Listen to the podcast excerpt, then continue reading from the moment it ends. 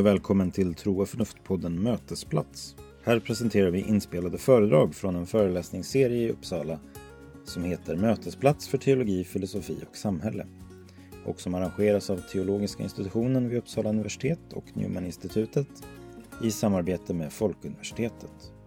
På facebook.com motesplatser finns information om framtida föreläsningar i denna serie. Och Tro och förnuft-podden hittar du på Facebook på facebook.com tro och förnuft. Tro och förnuft-podden produceras av tidningen Sändaren i samarbete med Teologiska institutionen vid Uppsala universitet och Newman-institutet. Och vi som gör podden är jag, Kristoffer Skogholt, samt Erik Åkerlund och Peter Westermark. Varmt välkommen att lyssna.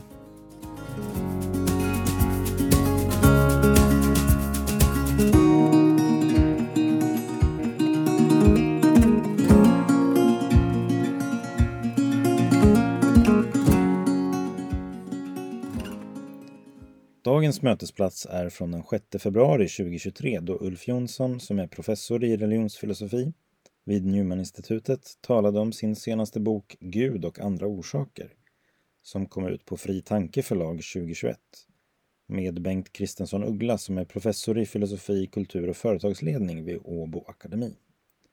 Föreläsningen börjar med att Ulf Jonsson ger en kort överblick över sin bok och sen följer ett samtal mellan Ulf och Bengt. Varmt välkommen att lyssna. Roligt eh, att ni är intresserade av det här ämnet. Ehm, och mycket välkomna. Det är ett ämne som ehm, det här med kausalitet har jag eh, varit intresserad av länge.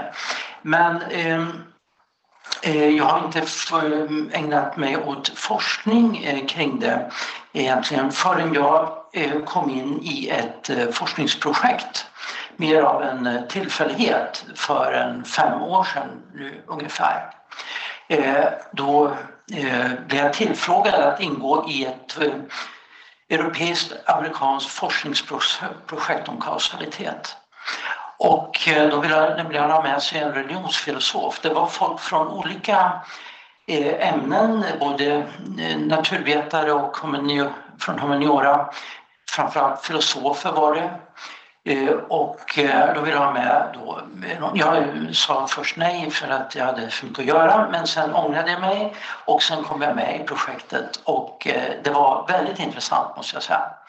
Och min uppgift då i projektet var att applicera en ny teori om kausalitet på frågan om, eh, om Gud. Om Gud är en orsak, kan man säga det. Så det är lite bakgrunden. Jag tänkte, jag går igenom boken. Jag har, eh, jag har några få exemplar av boken. Om det är någon som eh, vill köpa den så kan man göra det eh, lite billigare än man får den annars. Eh, Eh, ja, eh, boken eh, börjar med att eh, titta lite kort på eh, historiskt på hur man har förstått kausalitet eh, fram till eh, alltså fram till så att säga, den här nya teorin har vuxit fram. Eh, och eh, jag går långt tillbaka därför att kausalitet är ju ett ämne som man har reflekterat över ända sedan antiken. Och eh, faktum är att vissa tankar hos eh, antika tänkare eh, om kausalitet, de är på väg tillbaka i vår tid. Det är ju inget ovanligt fenomen. De kommer naturligtvis tillbaka i då en ny kontext och, och så vidare. Men man eh, tar upp eh, vissa idéer eh, redan då som fanns i antiken också idag. Ehm, den, ehm, eh, jag, ställde, jag började fundera på den här frågan när jag märkte när jag som doktorand här vid Uppsala universitet Eh, när jag ställde frågor till eh, mm, forskare i olika ämnen vilken eh, betydelse orsaker hade i deras förklaringsmodeller och de flesta blev bara förvirrade. Helt enkelt. De hade aldrig tänkt på det. Och mitt intryck det stärktes med tiden. Det var så, ingen hade någon aning om vad orsaker är för någonting.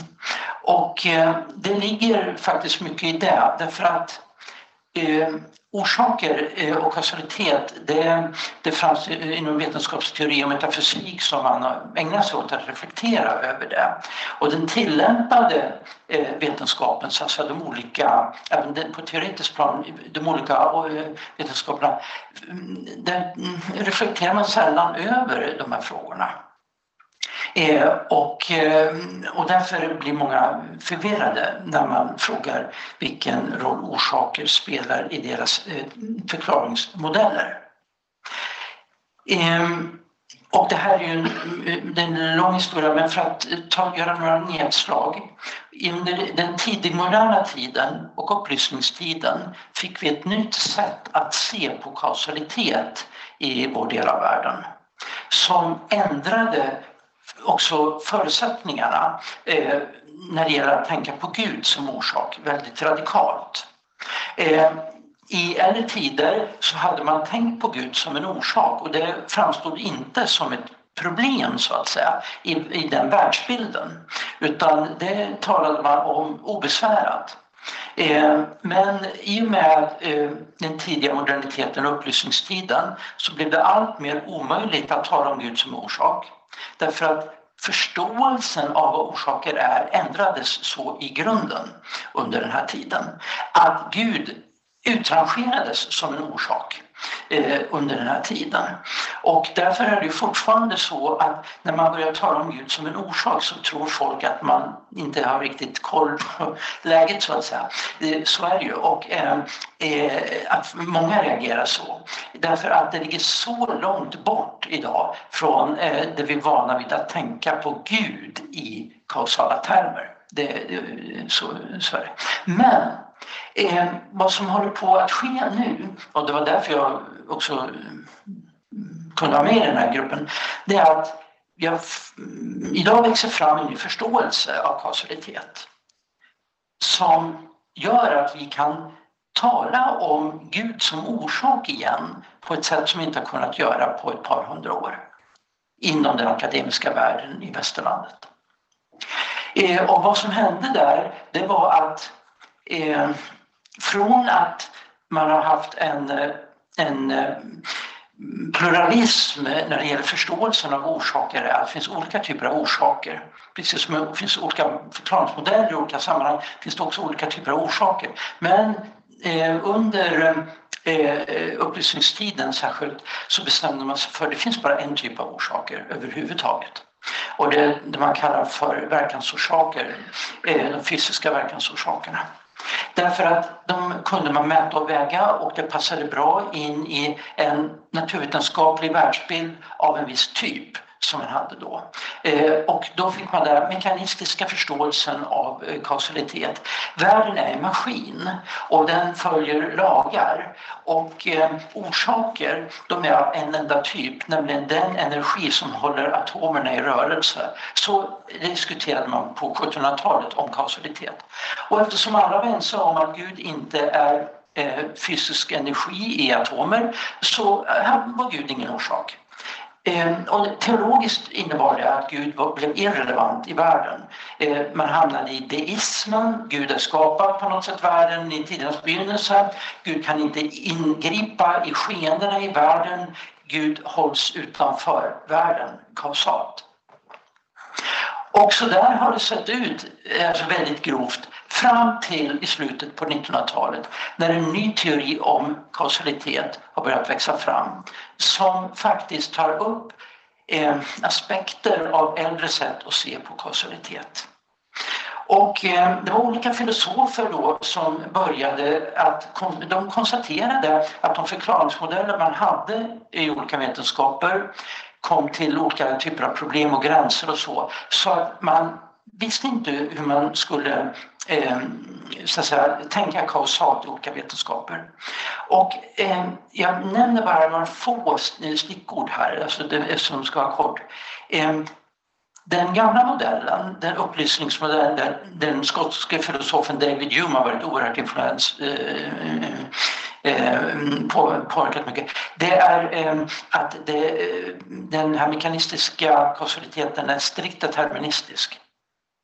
Och därför man uppfattade kausalitet eh, som eh, mm, eh, någonting man använde när man eh, skulle förstå hur eh, eh, universum är en maskin och också för att producera maskiner, vilket man var intresserad av, alltså den tekniska användningen så att säga.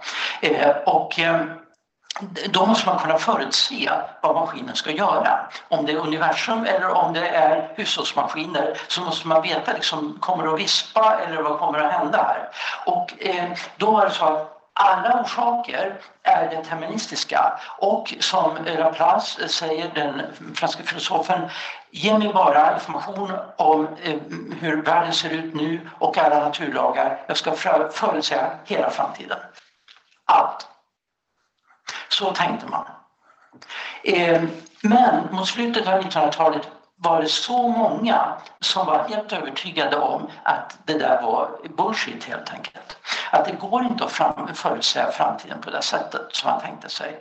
Och man började rota i nya sätt att tänka sig orsaker som inte är deterministiska på det här sättet och som är pluralistiska, alltså det finns olika typer av orsaker. Och där kommer bland annat den här frågan in om medvetandet i kausalt. Det hade man nämligen bestridit strikt.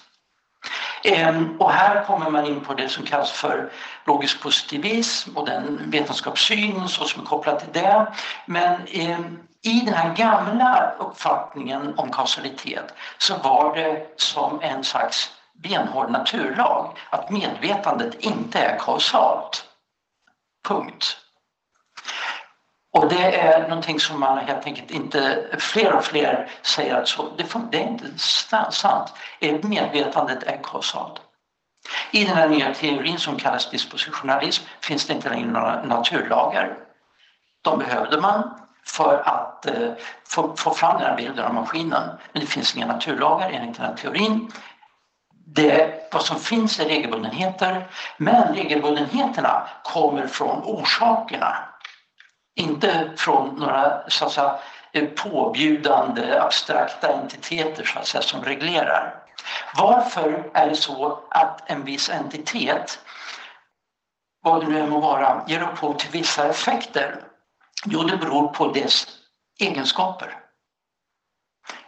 Ett glas kan få vissa kausala eh, följder, en katt får andra kausala eh, verkningar och så vidare. Det beror på egenskaperna. Och eftersom egenskaper är relativt stabila så kommer ett glas att ge upphov till samma kausala effekter om det används på samma sätt och så vidare. Och så det finns en massa regelbundenheter men det finns inga naturlagar. Regelbundenheter beror på att det är egenskaperna hos entiteterna. Det är de som är relativt stabila och därför ger upphov. Och den är en essentialistisk teori. Det är så att eh, orsaker är verkliga, de finns. Det är egenskaper hos tingen som existerar och som disponerar tingen till att ge upphov till vissa verkningar. Det är så att det här är väldigt, väldigt kortfattat, den här eh, teorin om kausalitet som idag växer fram. Den började, de allra, allra första som tänkte i sådana termer var på 1960-talet. Men man kan säga att sedan millennieskiftet har det här blivit den teori som är den idag mest etablerade teorin om kausalitet idag. Och den ställer väldigt mycket eh, på huvudet om vi jämför med hur man tänkte kring kausalitet om vi går tillbaka till mitten på 50-talet eller så. Så det här påverkar också vår världsbild. Hur Eh, orsaker verkar, vad det är för slags entiteter och så.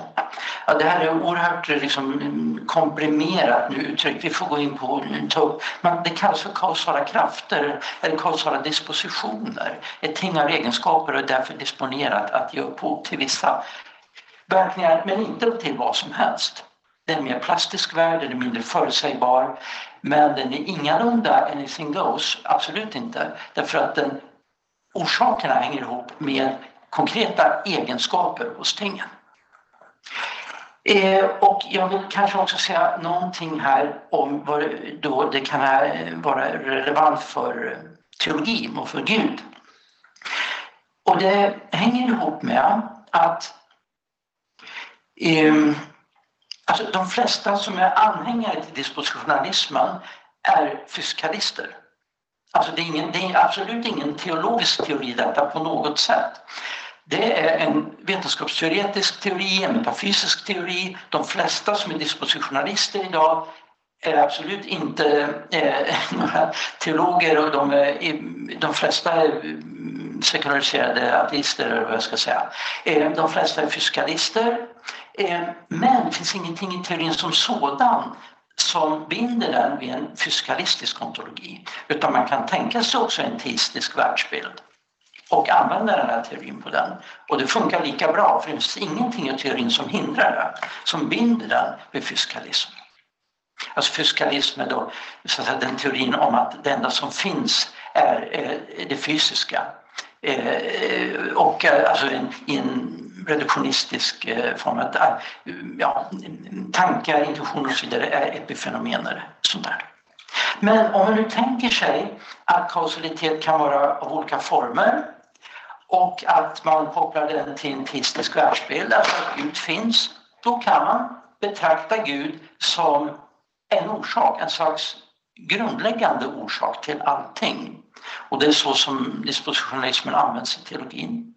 En av de som deltog i den här gruppen, eh, Steven Mumford, som är en av de ja, absolut ledande på området i världen eh, och som eh, vi diskuterade det här då lite grann eh, med teologi och då sa han som mig veterligen inte har några tankar åt gudstro eller så. Han sa, ja om man har den ontologin då blir det, måste ha Gud vara den eh, yttersta orsaken till allt och jag förklarade att det är så man brukar tänka om Gud. Ja, så är det. Gud är den yttersta orsaken till allt och det passar som hand i handske till den här teorin om kausalitet. Eh, som är öppen, som innebär att man kan tänka sig en transcendent kausalitet. Eh, man kan tänka sig intentionalitet som eh, kausalitet. Ehm, Ja, det är väl ungefär eh, så. Eh, det här med indeterminism är också i viss utsträckning eh, relevant eh, för Gud. Eh, alltså eh, när man tänker kausalitet och Gud. Därför att i en deterministisk värld kan inte Gud överraska oss. Vi kan nämligen veta allt på, i förväg. Men eh, om vi inte lever i en deterministisk värld då kan Gud överraska oss också. Och det liksom ges möjlighet till detta också.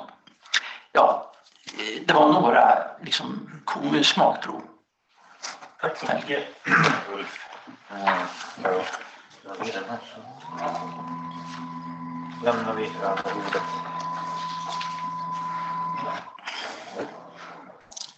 Um, ja men så. Bengt, varsågod. Nu är man erkänd. Så. Mikrofonen på? Ja, det tror jag. Eh, tack så mycket för den här inbjudan. Eh, för att det är hedrande att få samtala och roligt att få fortsätta samtala. Vi har ett sånt väldigt kreativt samtal senast. Eh, och generöst i god akademisk anda. Man hedrar ju varandra genom att vara kritiska i god akademisk anda. Och det här är ju, det är inte bara så att dispositionalismen är ett svårt ord utan det här är en svår problematik. Eh, och eh, eh, det här öppnar ju Pandoras box det här riktigt med hur mycket frågor som helst. Eh, och jag, det, det, det är också så, och jag är lite osäker faktiskt, men jag uppfattar, du, du, du skriver någonstans att det är ett antal korta koncisa skisser på tänkbara lösningar. Och jag, jag eh, uppfattar som att du prövar på olika håll, prov, tycker. Och jag, inte alltid, eh, jag vet inte alltid vad din position är. Och det är så, så att så då kan vi, så när jag ställer kritiska frågor så kan det vara till en tankefigur lika mycket som att jag, jag vet inte om det är din roll ska jag säga. Eh, jag, jag, tänkte på det där, slog mig när du höll din inledning för att eh, eh, på min, eh, jag har gjort en turné med, bo, med min bok om vetenskapens teori och praktik. Och då brukar jag börja med att ställa frågan varför är ni här? Om man har en en, en kurs i vetenskapsteori, en, en grupp doktorander, gärna tvärvetenskapligt. Så det är ganska intressant att fråga varför är ni här? Och det låter liksom oskyldigt. Det är en väldigt bra ingång för att få samtala, för att presentera sig i en grupp. Eh, och sen visar det sig att den här problematiken är ju väldigt mycket mer komplicerad ur orsaksperspektiv, vetenskapliga förklaringar. Eftersom i stort sett alla säger att man är där för att man är intresserad Eh, eller för att ens handledare har sagt att man gett ett tips att man borde gå den här kursen eller någon säger, eller ett par stycken i varje grupp säger att jag är här för att det är obligatoriskt. Eh, och det intressanta är den här frågan, varför är ni här? Man liksom öppnar upp mängden av vetenskapliga förklaringar som finns i, i, i, i och alltså liksom av mängden av discipliner. Hur skulle liksom en geolog svara på frågan varför vi är här? Då är det liksom miljontals år. Eller en biolog. Är vi här på grund av en biologisk utveckling och som gör att vi också har en hjärna som har en viss kapacitet. Och det är inget fel på de förklaringarna så att säga. Eh, det går också att förklara så. Eller vi är här på grund av att vi har en viss, vi lever i en välfärdsstat, har en viss ekonomi. Eh, så vi kan, Eh, eh, som investerar i kunskaper, det är därför vi är här. Eh, det är en ganska homogen grupp när man tittar sig runt så där, så ser man liksom varför vi är här. Det, liksom eh, det finns ju ganska mycket orsaker faktiskt till det här som inte, som är, som liksom, som rör sig i det här spannet här borta i vetenskapliga förklaringar och medan nästan alla svar rör sig längst ut i den andra som handlar om vilja, intresse, alltså frihetspolen och inte den deterministiska polen så att säga. Eh, och de intressantaste förklaringarna är ju egentligen eh, när man säger att det är obligatoriskt. För då börjar man laborera med sammansatta för förklaringar. Alltså, eh, man har haft ett val men sen när man väl tar friheten på allvar och fattar ett beslut så har man inte alla, så har man inte alla val kvar längre. Man har liksom determinerat sig själv och hamnat in i och så begränsas valmöjligheterna och sådär. Eh, och den, den, där, den där övningen vittnar också att vi är liksom, det finns ju liksom en akademisk schizofreni hos eh, väldigt många av oss som jobbar i akademin. Att vi är beredda att göra undersökningar av andra där vi liksom kan hitta ganska deterministiska orsaksförklaringar. Det beror på en viss ekonomi, en viss klasstillhörighet, etnisk tillhörighet att de här personerna agerar som de gör. Men vi tillskriver oss själva, vi tillskriver inte de personerna vi studerar samma värden och värderingar som vi tillskriver oss själva. Jo, men vi är här på grund av att vi vill. och det säger någonting hur otroligt komplicerat det här är och vilken utmaning det är. Det du, och du tangerade det, det var därför som det dök upp här. eh, och och det, det spöke som du som eh, boken brottas med det är ju liksom den mekaniska världsbilden, det här maskineriet och sånt. Eh, och, och, du förklarar det så väl så jag behöver inte eh, säga mer, om det. Det jag, det jag kanske saknar i narrativet, som liksom, den här historiska utvecklingen, det är att det sker ju saker på 1800 1700-1800-talet som också spräcker den här mekaniska maskinen. Alltså som till exempel, och jag tycker man underskattar, jag vet inte om du, du skulle hålla med mig, Darwin till exempel. Eller Humboldt och Alexander Humboldt och Darwin som ser liksom en som ser världen inte som en perfekt fungerande maskin utan som en våldsam kamp där liksom av blod och man sliter sönder varandra. Det är liksom så långt bort från maskinen man kan komma. Så den där delen, jag vet inte hur du skulle förhålla dig till den utifrån den berättelsen du målar upp. För att här är det maskinen och sen, ja. Ja, det är eh, jättebra, jättebra iakttagelse. Och, eh, eh, jag skulle säga att eh, eh frågan skulle ju liksom... Eh, alltså, eh, eh, dels är det ju så att en kultur är ju aldrig så att säga homogen utan det finns ju liksom olika, det är så jag. Men jag tänker mig också att eh, det, ni vet, när det gäller just, alltså jag har inte, jag har inte sagt eh, kunnig på evolutionsteorin, men en sak som har slagit mig det är att just i evolutionsteorin har man ju ofta betonat eh, det, eh, alltså slumpen, eh, att just eh, oförutsägbarheten. Så den, just den delen passar liksom inte in i det här deterministiska tänkandet. Men ofta tror jag det är så att intressanta teorier de står ofta i spänning till det tänkande som är rådande. Så, och man lägger inte ens märke till det. Så att jag tror att, att eh, man, eh, man drog inte några stora växlar på det därför man på något sätt var blind för att det här spräcker ju egentligen det här tänkandet som vi använder oss av i fysiken. Ja, det, det, det går inte ihop, men ingen ser det eller verkar det vara som.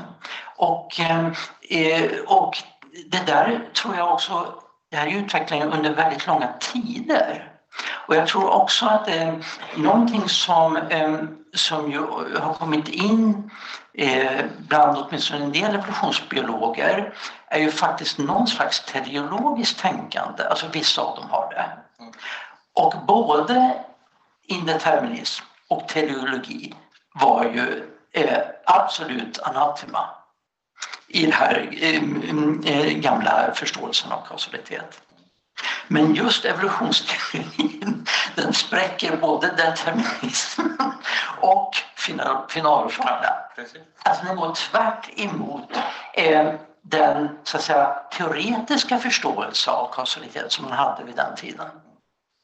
Men den går ju också emot ett område, ett ytterligare, det är ju alltid det, det lättaste knepet att ta upp saker som du inte skriver om. Ja, det är bra. Jag tycker du, kan, du skulle kunna tematisera det är ju det är också, eh, för det man ofta inte tar upp det är ju att hela den här eh, evolutionsteorin av Darwin är ju också ett hot mot den humanistiska tankemodellen.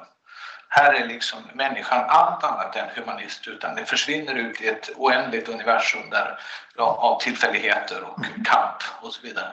Så den är ju liksom lika, den är ju, oftast målar man ju upp darwinismen som ett, liksom ett, ett teologiskt problem, ett problem för kyrkan och tron Eh, men att det här är också ett jätteproblem för en humanistisk livsåskådning. Och det spåret eh, tycker jag eh, skulle du kunna följt upp mera i meningen att vad får de här för konsekvenser för, för människan så att säga? För vår syn på människan, alltså den teologiska antropologin, den filosofiska antropologin och i förlängningen, då ett av få, eller en av konkreta exempel medicinska behandlingar, alltså medicinsk antropologi till exempel. Alltså, du säger väl ganska lite om, om, om liksom människan och vilka kapaciteter vi kan tillskriva människan och vilken Eh, alla, hela problematiken kring människans frihet och så vidare. Du går ganska snabbt från analogier, en slags förutsättning att människan är fri, nästan en humanistisk, traditionell humanistisk antropologi och sen gör du analogier till Gud. Mm. Eh, ja, det är en jättesvår fråga. ja. Um, eh, eh, ja, men uh, vi ska se här. Det är ju så att alltså, för att få så att säga, för att få det hanterligt så strukturerar man upp det så att man följer upp vissa frågor och andra inte. Ja, så. Men, eh, men jag håller med om att, eh, att det så egentligen tar upp Min fråga var nog, och den, var, den fråga jag fick, det var också den, alltså den fråga jag fick från gruppen så att säga. Vad var min eh, berättigandet eh, för att vara med i en sån här grupp, för en sån typ som jag, det var eh, det här med Gud som orsak. Inte så mycket hur det påverkar människan. Och jag konstaterade att Gud var vid den här tiden utrangerad som orsak. Eh, och att den teologi man hade hamnat i, det var deismen den, var ju, den hade ju väldigt genomslag. Ehm, och den var ju en följd av eh, Alltså, det, man, gör en, man gör en dygd av en nödvändighet. Ja, precis. Det var en riktigt dålig teologi ja. därför att man hade inget bättre val. Liksom. Man, man satt liksom med bakbundna händer. Och eh, det blev ju en... Eh, och det är det som har varit mitt fokus. Hur, vad händer med teologin eh, när, man, när, man, när Gud inte kan verka i världen och den blir deistisk. Och jag menar att det är, alltså det är, en, väldigt, det är en enorm omsvängning i, teologin. Men det slår mig att du det kanske, det slår mig att du kanske har blivit bestämd också av det sammanhanget som du har hamnat i. Mm. Det är inte samhällsvetare och humanister utan det har varit science, alltså mm. naturvetenskap. Mm. Och då dyker de här frågorna om antropologi inte upp. Nej, nej det stämmer. Ja. Men, ja. Det, det, kan vara så som men eh, när du är inne på deismen så är ytterligare en del av den här berättelsen. Så är, eh, och det är nog en, en av de punkterna där jag, där jag är kritisk, men jag vet inte om det är mot dig eller någon du refererar. det är någon av dina eh, eh, och det är att man måste komma ihåg att teismen är ju också någonting som föds under den här perioden. Alltså föreställningen om Gud som Eh, denna metafysiska princip som är osårbar och så vidare. Det är ju under den här perioden som hela teologihistoriskt tanken på Guds svaghet försvinner ut ur teologin. Alltså det, blir, den blir liksom, det finns inga teologiska resurser att hantera det längre utan vi får det här Alltså Descartes problematik med en gud som måste vara stark som garanterar världen och subjektets stabilitet och kogito. Så det är liksom det är också den här det glider in några gånger där Gud tillskrivs aspekter av utanför tid och rum och så vidare. Och det ser inte jag som i alla fall en kristen gudsbild. Att Gud är utanför tid och rum.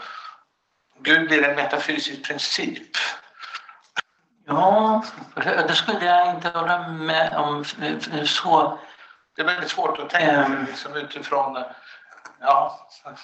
Men du vet, det här Gud utanför tid och rum. Det är ett väldigt modernt sätt att tala om Gud, får man säga. Är det inte det? Mm, det har jag inte riktigt med om. Men Augustinus funderade på det här med att Gud utanför rum, tiden. Ja, och eh, på högmedeltiden så ägnade man mycket tid åt att fundera på Guds förhållande till rum och tid. Ja. Och, och eh, om man tänker på en sån som Thomas av Aquino, han talar ju om Gud som den yttersta orsaken. Mm. Alltså causa universalis och, och Gud är causa finalis och så vidare.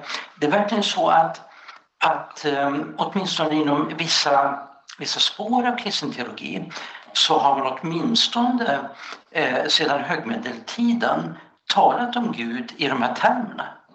Som all temporal. Också ja.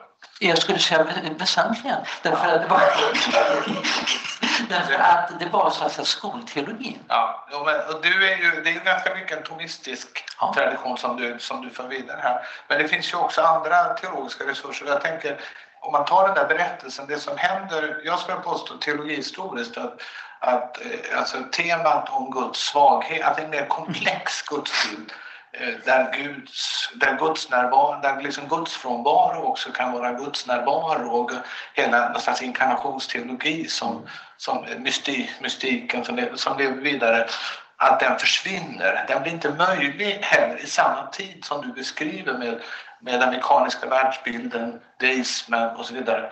Och det intressanta är när du skisserar det här historiska i slutet på 1900-talet så kommer en annan ontologi inom vetenskaperna som en vidare syn på kausalitet. Det är ju faktiskt samma period som också Guds död kommer tillbaka i teologin. Först i protestantisk teologi, sen i katolsk teologi faktiskt. Mm, mm. Så att det är ju liksom, alltså mer problematiskt, alltså det, är inte, alltså det är inte bara den vetenskapliga polen utan också den teologiska polen som börjar problematiseras. Eh, eh, men jag, ja. Jo, men jag håller med om det. Alltså det är ju så att eh, eh, men det blir ju så, man tar inte upp liksom alla... Det är en så lång period också som vi pratar om. Men en sak som också kommer med... Alltså, egentligen är det så att jag diskuterar väldigt lite om människan här och när det gäller Gud egentligen bara ur den här specifika frågeställningen om Gud som orsak. Och, men en sak i dispositionalismen som jag skulle säga, ni vet, ehm, eh, när man pratar med dispositionalister som kan lite om teologi så är de eh, eh, då säger den teolog som står oss närmast är Thomas av Aquino, säger de. Och eh, jag tror det inte är någon tillfällighet. Ehm, och en av de aspekterna i, i dispositionalismen som också är viktig att lyfta fram det är att i dispositionalismen har man en mycket mer eh, vad ska man säga, mm, plastisk förståelse av kausalitet än vad man eh, hade i de här, alltså efter Jung och så.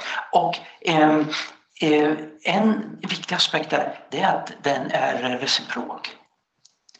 Det vill säga, eh, det är inte bara orsaken som gör upphov till verkan.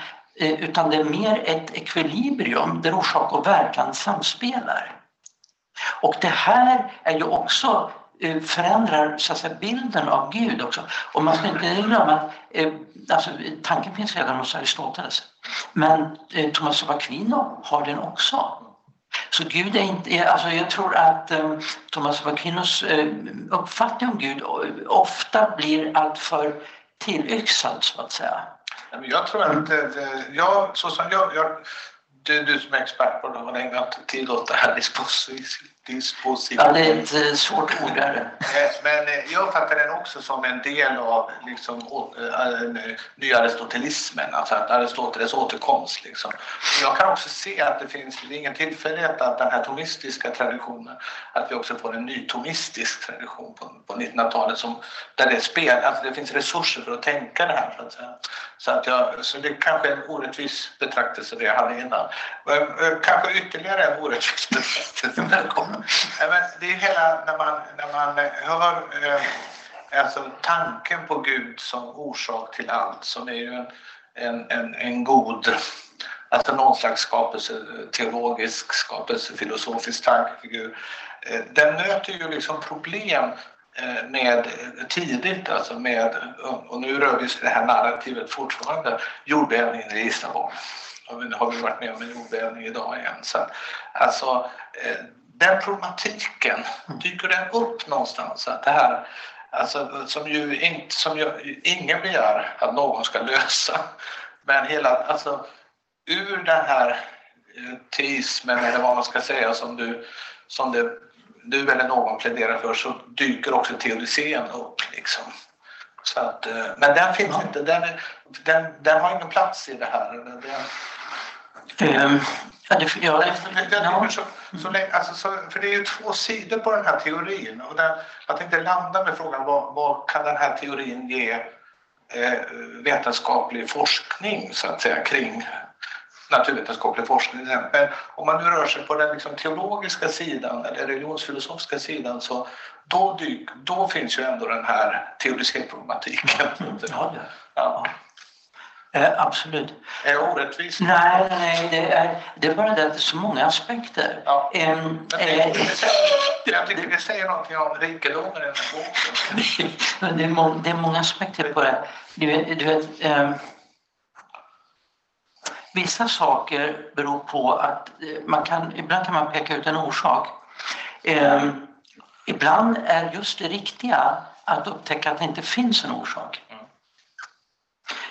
Eh, att eh, bilen funkar bra beror bland annat på att det inte finns 50 liter apelsinjuice i bensintanken. Den frånvaro som är väldigt bra och därför fungerar bilen bra. Alltså det, det, det med kausalitet, det, man måste också hela tiden tänka på att det finns saker som inte är där som är bra att de inte är där så att säga. Eh, bara för att eh, ytterligare lite komplicera bilden. Och eh, när det gäller, ehm, alltså det, det, är helt rätt, jag tror verkligen det, det, man, det man förlorade så att säga under deismens dagar tycker jag är teologiskt oerhört eh, allvarligt, nämligen att Gud har med världen att göra. Gud blir också existentiellt irrelevant. Om Gud inte på något sätt kan vara i världen så blir Gud irrelevant. Så det är en stor problem. Och där är Thomas väldigt tydlig. Ja. Och, ja. Eh, och jag skulle säga att eh, när det gäller eh, eh, ja, teodicén, alltså det, eh, alltså för Thomas är det ju så att eh, Donda är ingenting. Eh, det är ingen orsak. Det är ingenting, det är den här privationsteorin. Eh, viss frånvaro är bra. Alltså, vissa saker är bra att de inte är där. Ehm, men ehm, eh, det onda, det är ehm, för Thomas det som inte borde vara där, men som inte har någon orsak. Det är så han resonerar kring det. Och därför är, och därför är då ytterst att Gud inte orsak till det onda eftersom eh, eh det onda inte har någon orsak. Det här är ju allt på ett metafysiskt plan förstås. Men då har inte allt en orsak? Alltså. Nej, och, ibland är det väldigt bra ja. eh, att inte ha det. Ja. Eh, och eh, jag tror att, alltså det här, det vill jag också säga när ni lyssnar, vad jag har gjort i den här boken det är att beskriva den här nya dispositionalistiska teorin om kausalitet. Och sen har jag gjort lite skisser vad det här kan betyda teologiskt. Jag tar inte ställning till om jag håller med om de där. Liksom. Utan det är prov, alltså vad kan man göra av det här? Och det var liksom min uppgift också i den här gruppen. Att utarbeta möjliga teologiska följder av det här eh, sättet att se på kausalitet. Så det är min uppgift och därför binder jag mig inte med några lösningar. Det var så inte min uppdrag och jag jag skriver bara helt kort på ett ställe att det här är som försök.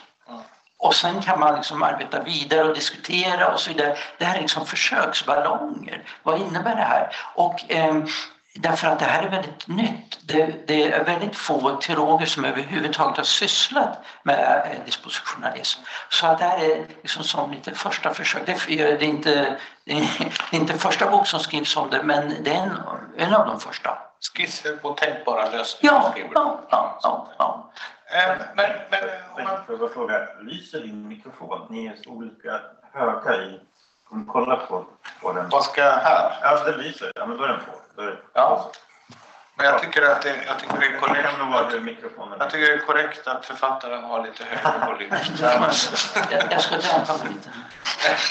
Uh, nej, men sen kommer hela orsaksbegreppet. Alltså för att man kan ju välja lite olika. Och du, I din introduktion här så, så var du kanske lite öppnare än i boken. Alltså, antingen, eh, och du, du har ju en bakgrund där i, du refererar till Georg von Wichts bok Explanation and Understanding och så vidare. Där eh, hela den här han väljer ju också, som jag tror att din huvudväg är, att vidga liksom orsaksbegreppet. Man kallar allting för orsaker.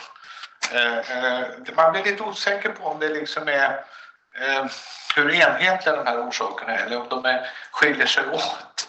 Eh, eh men det är liksom risken med att liksom tala om en, liksom ha ett enhetligt orsaksbegrepp det är ju att man, det blir lätt en ontologisering, alltså man hamnar i någon slags foundationalism som grundlägger, hittar en jag får den känslan när jag läser ibland med några av dem du refererar, några av dina skisser. Eller de, eh, Eh, man kunde också tänka sig eh, att man går en annan väg som eh, Ricard som jag har sysslat en stor del av min akademiska karriär med som istället talar om bruten ontologi. Alltså man, måste, man, kan inte få, man kan inte hitta ett fundament för alltihop utan man måste utgå från att det är en bruten ontologi som egentligen skulle rimma kanske bättre med den öppenhet som du, du jag vet inte, kanske Alltså att man, eh, och då skulle man också kunna tänka sig att, att man inte inordnar intentioner, eh, alltså intentionaliteten i en orsaksbegreppet utan låter det stå utanför orsaken. Jag vet inte hur du tänker kring det. Det här hänger ju också samman med det, det, den problematiken som dyker upp i boken att eh, skillnaden mellan händelser och handlingar som är ju, ställer allting på sin spets. Liksom, Alltså att det, det, alltså det enkla dualistiska sättet att tänka kring det här det är ju att säga att händelser är helt, helt kausala medan handlingar är helt fria.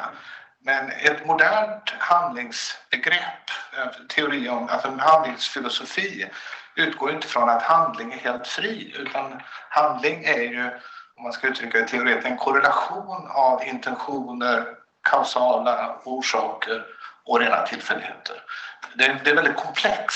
Alltså, handla är inte frihet eh, så som man kanske tänkte i början på 1900-talet när teologer här i Uppsala talade om Guds handlande. Mm. Utan handling, det, att ta in handlingsbegreppet kanske. Men det här, det här blir komplicerat ja, och det här är supersvåra frågor. Eh, och det blir också svårt för att man vet inte riktigt vad, du, vad det är för fenomen som du är ute efter att förklara. De, de de vetenskapsmän du jobbar med, de är naturvetenskapsmän så de sysslar ju inte med handling egentligen. De sysslar bara med händelser. Mm.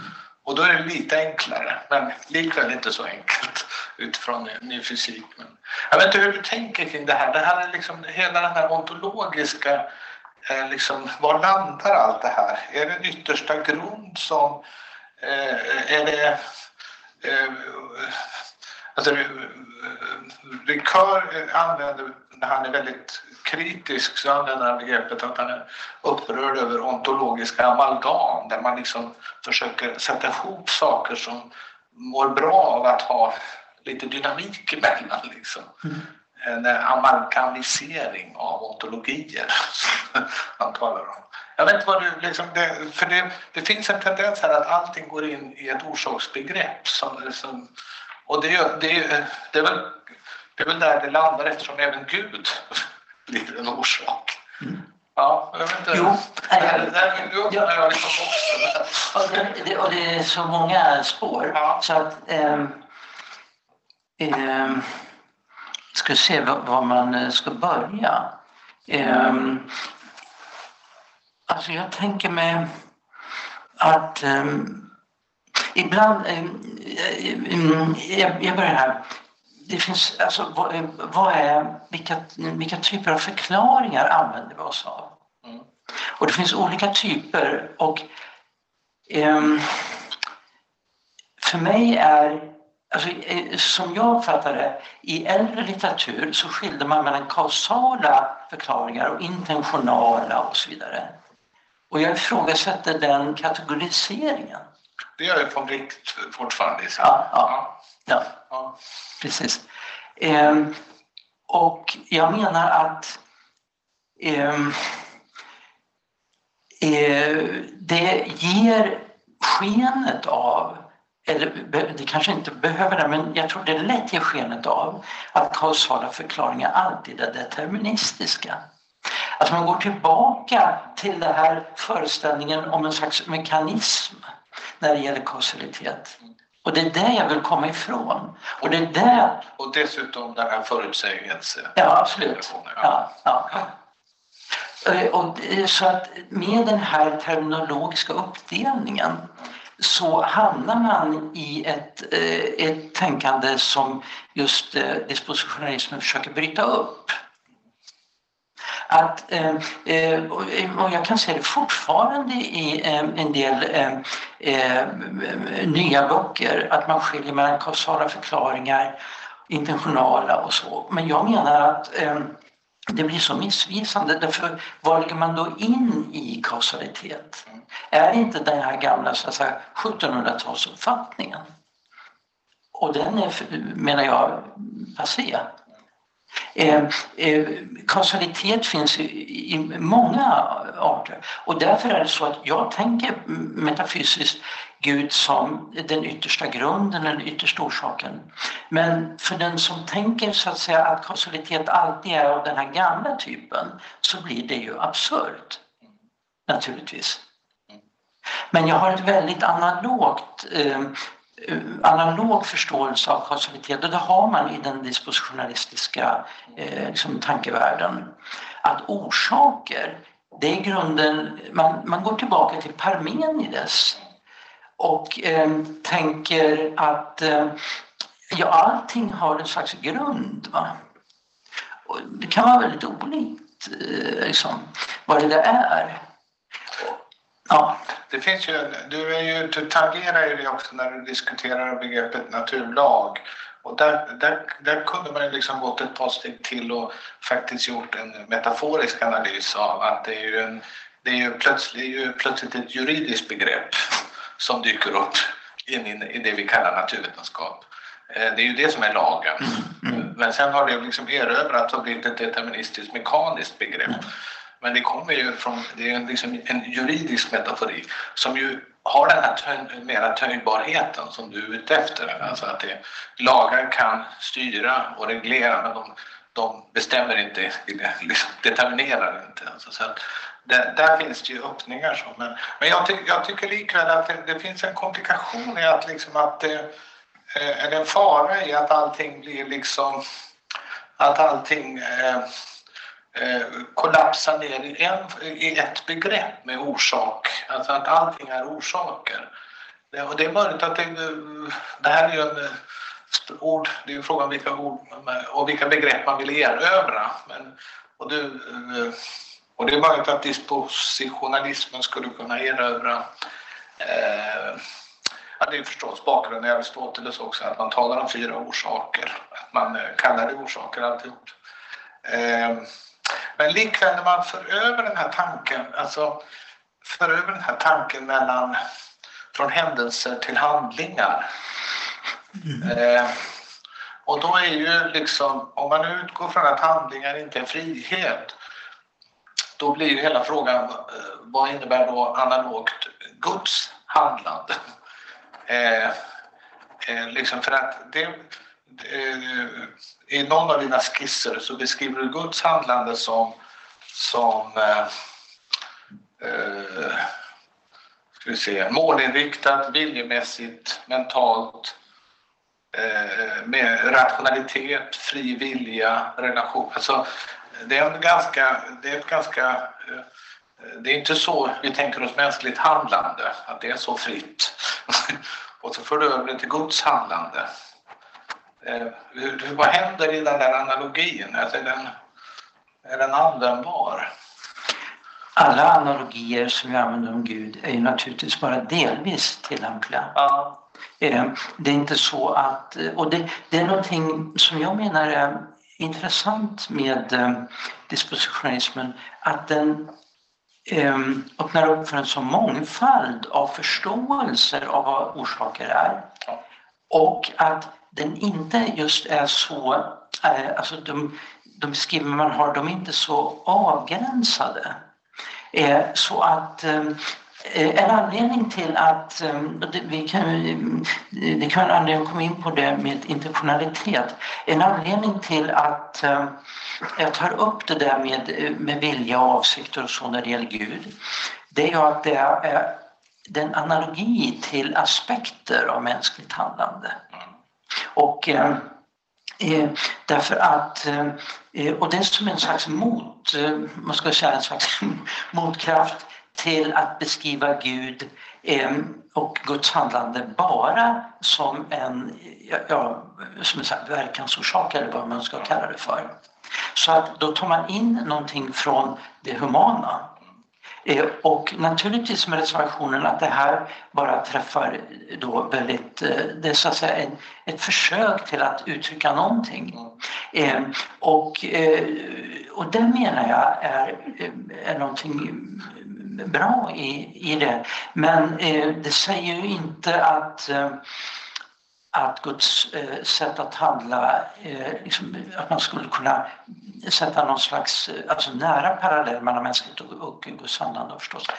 Men om man öppnar upp den här ontologin och får liksom en vidare syn på kausalitet eh, sen kommer liksom ett resonemang senare i boken Eh, eh alltså det, det, det, det, resonemang som jag skulle ha hållit fast vid det är det här resonemanget som finns hos eh, Dodds eh, med double agency. Att, att det tycker jag skulle vara en god teologi, att en och samma verkan beror helt och hållet på människan och helt och hållet på Gud. Eh, men sen så kommer det ganska mycket resonemang kopplat till mirakler, eh, alltså om eh, direkt förorsakat, handlande direkt förorsakat av Gud utan förmedling, eh, utan förmedling av naturliga empiriska sekundärorsaker. Det, liksom, det dyker upp flera områden direkt. Eh, är det en, alltså, är, om man tänker sig liksom de bibliska texterna om Guds handlande. Man, Gud uppträder ju aldrig direkt. alltså, vad, vad, vad, är det här för någonting? Jo, men det ska... Hela poängen i, den, i, i de här berättelserna är ju att man aldrig ser Guds ansikte. Man, alltså, Gud uppträder ju aldrig direkt. Men ändå så är det... Ja. Nej, men, men alltså det, det, det, är bra att du reagerar på det där. Ja. Därför att, äh, jag tror, att äh, det är en annan, lite annan läsning än jag har. Det är därför du ja, ja, det är bra. Det är bra. Eh, alltså, eh, det är någonting som jag betonar mycket, det är att Gud är den annorlunda. Gud är en orsak av helt unikt slag. Helt unik. Och eh, Gud är en grundläggande orsak av helt unikt slag. Och vad vi gör är analogier där vi tar fram olika aspekter både av händelser och handlingar och så där vi lyfter fram just aspekter som man kan se, men, men det är analogier. Och eh, när det gäller Guds handlande så är det så att eh, Eh, och mirakel, det, den, det är en längre historia med Djurgården och sådär bakom där. Mm.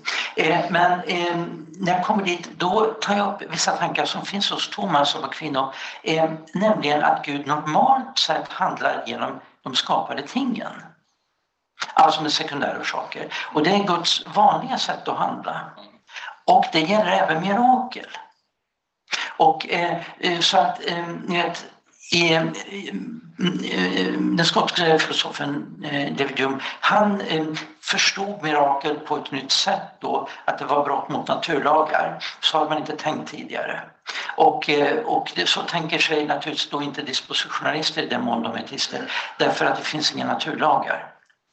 Men eh, till detta kommer att man i äldre tider inte bara tänkte sig att det inte var brott mot naturlagar utan man tänkte sig att mirakler förmedlade genom det skapade. Så det sker genom att Gud så att säga, använder sig av av människor och det som sker så att säga, i världen för att handla. Det är så att säga, det vanliga och så tänkte sig också Thomas av Aquino. Och han menar att... Eh, var, det som... var någonstans sker det direkt? Alltså jag är helt med på resonemanget. Ja, ja. Och, och jag tycker man ska värna överraskningen, ja. undantaget. Alltså att saker, det, kan, det, det är jag helt med på. Eh, men, var, men varför ordet direkt? Alltså, jo, därför att... När handlar Gud direkt? Eh, när han skapar världen. Ja. För då har han inget annat att, så att säga, använda sig av. Eh, Fast jag skulle inte läsa skapelseberättelsen som en berättelse om att, hur världen kommer till. Ju... Nej, jag, nej, jag har inte... Nej, och jag, eh, jag tänker mig att Gud skapar världen kontinuerligt. Att vi lever, ja. det är ju samma sak som att Gud skapar. Ja. Och eh, eh, när, du tittar, alltså, när du läser det, så ser jag att den här participationstanken är väldigt central. Ja. Mm. Alltså, världen finns därför att den participerar i Gud. Alltså, och det finns faktiskt väldigt mycket panenteism i det här.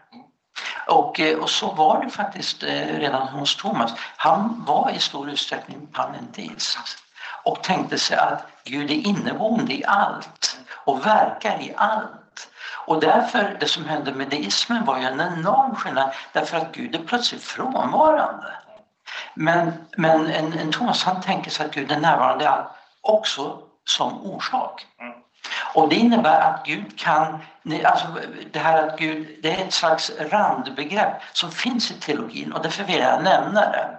Men det är ett, ett exceptionellt undantag och jag skulle säga att det är akten där Gud gör att någonting existerar. Egentligen är det ett slags uppehållande av skapelsen. Det är det oförmedlade. Alltså att, att det här Cratio continua-begreppet. Mm. Eh, alltså Gud skapar inte en gång i början utan Gud skapar så att säga hela tiden. Mm. Och det, det, är en aspekt av det. Mm. Men då är ordet direkt, det, det leder mina tankar kanske mm. om en, ja. Eh, eh, och det, jag skulle, ja. Eh, eh, men det, det, det den, eh, jag ska innan jag landar i den sista frågan, eller slutlig fråga, så eh, du har ju ett exempel som jag tror som är väldigt, eh, du tangerar bara, men kanske karikerar den typen av vetenskap och det är när du tar upp medicinska behandlingar. Att, eh, jag tror att medvetenheten är väldigt stor hos, eh, i medicinska behandlingar om eh, att, du beskriver det som att allting är kausalt determinerat som om det skulle ge orsak-effekt eller orsak-verkan eh, omedelbart.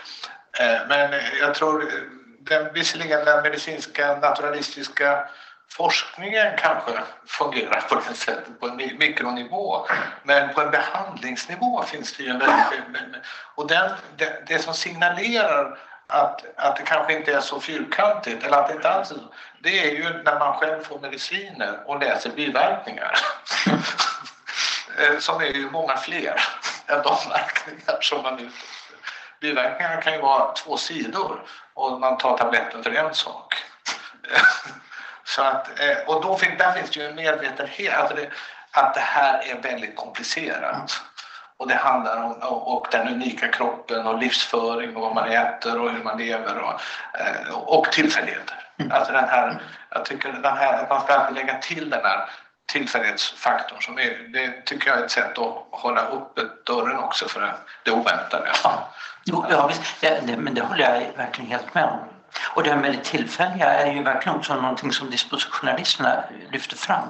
Men, men jag håller helt med och jag ber om ursäkt om jag har för... Alltså, ja, har du en formulering ja, ja, ja. att de skulle tro att det sker någonting Okej, okay, jag var på det humöret när jag skrev det romanet. Men, men, nej, det tror jag inte alls att, att äh, läkarna så att säga, menar att ger man bara det pillet får man den effekten så att säga. Det tror jag inte. Eh, och då det, men, men däremot eh, jag tror vad jag vill visa är att det finns en diskrepans mellan den faktiska erfarenheten i vården och teorin. Det är där som det är problem. Jag tror att man hand, men så är det ju ofta, folk handlar mycket bättre än de har sina teorier. Mm. Ja. Mm. Men jag tror att det, det finns i själva eh, vård, vård eh, och omvårdnadssituationen och behandlingssituationen, där finns det en väldigt starkt växande medvetenhet om att liksom, eh, tror, tror jag, den här komplexiteten också. Så att, men jag, om man nu liksom tar det här, ditt syfte med den här boken, alltså nu det här samtalet, det är inte så spännande, det händer saker i ett samtal så man tänker helt nya saker i så ett samtal ska fungera. Och jag har jag inte, jag har inte varit så uppmärksam riktigt på att du att den här kontexten som du dras in i bestämmer så mycket vad det är för typ av vetenskaper som du diskuterar. Att det är naturvetenskaper så att säga. Och då, men då kan man ju, om man funderar och, och ditt syfte här, Gud och andra orsaker. Hur kan en ny teori om orsaker verkligen eh, förändra vår världsbild? Och det är egentligen inte världsbilden du är ute efter, utan du är ute efter världsbilden. Hur kan man religionsfilosofiskt hantera det här? Och det är ju ditt bidrag. Men om man vänder på det från andra hållet. What's in it for me om jag är en forskare? I, eh, om jag håller på med Eh, naturvetenskaplig forskning. På vilket sätt gör det här skillnad så att säga? Eh, eh förstår du vad jag alltså, och då, och då tänker jag, då tänker jag liksom i två led. Den ena är dispos, dispositionalismen som en öppnare, mer dynamisk syn på orsaker. Men jag tänker också på ditt ärende, Gud som, och andra orsaker. Gud som den primära orsaken. Eller, eh, eh, vad, gör det, vad gör det för skillnad? Kan man inte tänka sig att att medicinsk forskning, eh, astrofysik och så vidare eh, kan vara en ganska agnostisk verksamhet och mår ganska bra av att vara agnostisk. Att inte tänka Gud som orsak utan eh, här jobbar vi tillsammans i det här forskarlaget och vi har helt olika religioner och trosuppfattningar och det är inget problem här. Eh, alltså, eller tillför det någonting Gud, Gud som en Ja, det är en väldigt bra fråga. jag frågor. Eh, men det är ju så att, eh, eh, nu ska vi se här, för den har ju också många aspekter. Alltså för det första, jag tycker det är alldeles utmärkt att forskare ägnar sig åt det de ska och inte diskutera teologi hela tiden. Ja, absolut.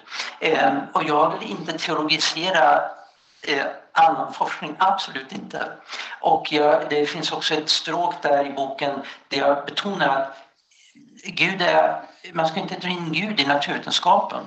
Eh, och eh, eh, Gud är inte en förklaring, alltså en orsak. Eh, nej, det är inte naturvetenskap. Nej, nej, nej, nej, Och jag är väldigt noga med det. det eh, och, jag, och syftet med boken är absolut inte att säga att Gud skulle vara en relevant förklaringskategori i de olika vetenskaperna. Eh, det är absolut inte så jag tänker.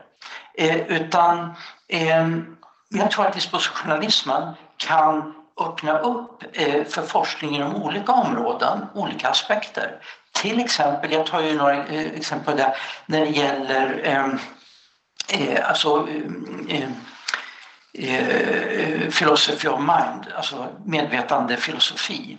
Då är det ju så att har man den gamla eh, reduktionistiska fysikalismen som självklar eh, ramverk, eh, teoretiskt ramverk, då eh, kan man inte acceptera att det finns en top-down kausalitet. Det vill säga medvetandet är akausalt. Men det är en stor brist. Och jag nämner några forskare som exempel på det. Att är medvetandet kausalt? Om man så att säga erkänner, tillerkänner medvetande kausala verkningar så ger det ju förklaringsmöjligheter som tidigare var, inte fanns där. Så jag tror... Men, men Gud som en orsak? Jo, nej men det var, det var liksom på många aspekter här. Ja. Alltså, jag tror att dispositionalismen kan ändra, eh, vara ett bidrag på olika håll inom olika vetenskaper. När det gäller teologi tror jag att dispositionalismen har ett bidrag. Eh, nämligen att Gud så att säga inte är det här deistiska guden som är utanför världen. Utan att Gud eh, verkar i världen, inte som någon slags naturvetenskaplig förklaring, men att Gud är närvarande. Gud är själva grunden och Gud är handlande i världen och så. Och att man får, får in det i teologin. Det skulle jag säga är den stora, eh, stora skillnaden. Eh, inte att man ska teologisera de olika vetenskaperna, absolut. jag skulle absolut inte vilja det. Utan, eh, men för teologins del tror jag att det kan hjälpa oss att komma ut ur en teologi som jag fortfarande upplever som ganska deistisk idag. Men då tänker jag den här tanken som jag också känner väldigt stor sympati för, Gud som tillvarons grund och någon slags, jag skulle kalla det en slags skapelseteologi som också kunde vara en skapelsefilosofi. Mm. Som, men, men den stora utmaningen är hur man kan artikulera det utan att man hamnar i en, i en att man gör Gud nödvändig som där som en nödvändig förutsättning för världen. Alltså, om man skulle uttrycka sig så här, jag ska inte säga vem jag citerar, men eh, Gud är inte nödvändig. Gud är mer än nödvändig, Gud är möjlig. Alltså att man, annars om man liksom bygger in det, man hamnar i den där ontoteologiska ontologin som vi har tangerat här. Liksom, eh, annars så blir liksom Annars blir det svårt ontologiskt in i olika vetenskaper också att, det, att man har, skulle ha någon slags extra orsak som ja, bakom världen. Ja, ja. Och, och, det ligger, nu är vi tillbaka i det, du vill liksom vidga orsaksbegreppet men det är kanske jag som då glider in. jag, jag tror att vi kommer från olika håll där ja. och du jag vet inte, jag, jag, jag, jag, kommer från många håll i alla fall. Ja, absolut. Och jag tror att, alltså mitt intryck är att du du kommer tillbaka till ett orsaksbegrepp som jag lite grann har lämnat. Och eh, placerar in Gud där på något sätt. Jag har ett mycket transcendent gudsbegrepp. Så det, det, innebär att alltså jag, jag tänker mig verkligen Gud som den yttersta grunden, också som den yttersta orsaken. Men det är ett väldigt transcendent eh, orsaksbegrepp. Och det, men det finns en tendens där kanske då, nu, nu, mm. nu är vi inne på några timmar till här. Eh, eh, utmaningen är att tänka Gud transcendent ut, för det finns, så att man inte hamnar i en metafysisk tvåvärldsmodell eller två Alltså det är ju inte, det är inte en metafysisk dualism du är ute efter, mm. antar jag. Och jag, jag tar upp det lite i boken. Ja, du gör det? Ja, ja. därför att Som trodde jag hade läst varje dag. Ja, ja, det har du säkert du också, men man kan inte minnas allt. Det är en ganska kompakt bok där. Ehm, jag tar upp just den frågan om dualismen. Och eh, blir en dualistisk världsbild? Ja, det gör det. Ehm, men det är inte det. Och du har redan nämnt eh, eh, exemplet Eh, ett exempel jag illustrerade, nämligen det här med att en handling eh, och, och två handlande, va, två agenter. Eh, den här bilden av dubbel... Alltså att Eh, double agency. Ja, double agency. Alltså det, ni vet, om man går på en eh, klassisk konsert och har en symfoni så eh, finns det de som spelar de olika instrumenten. Eh, och, eh, men det finns också då eh, vanligtvis en dirigent. Och det är ju så att säga den lataste personen eftersom han eller hon inte spelar något alls överhuvudtaget. Va? Utan liksom bidrar ju inget. Men dirigenten bidrar på ett annat sätt till att det blir en konsert. Och resultatet blir framförandet. Det är ett, ett resultat, framförandet. Och dirigenten ägnar sig åt helt andra saker än att eh, spela. Och så, eh, det är bilden. Gud är den yttersta orsaken men som orsak är han väldigt, väldigt annorlunda. Eh, eller om vi ska kalla Gud för hon. Eh, det spelar ingen roll. Eh, men Gud är orsak på ett väldigt annorlunda sätt. Men utan dirigenten skulle det i en sån där jätteorkester bli kaos. Det skulle inte bli något. Så det behövs en dirigent som är orsak på sitt sätt. Och så finns det någon som spelar och de är alla orsaker, verkliga orsaker till att det blir en konsert. Ja, vi skulle kunna fortsätta länge här. Ja. Och vi fortsätter någon annan gång. Det är fantastiskt roligt att samtala med dig Ulf. Tack så mycket. Ja, tack så mycket. Tack, eh, tack verkligen för ett jättefint samtal. Tack. tack.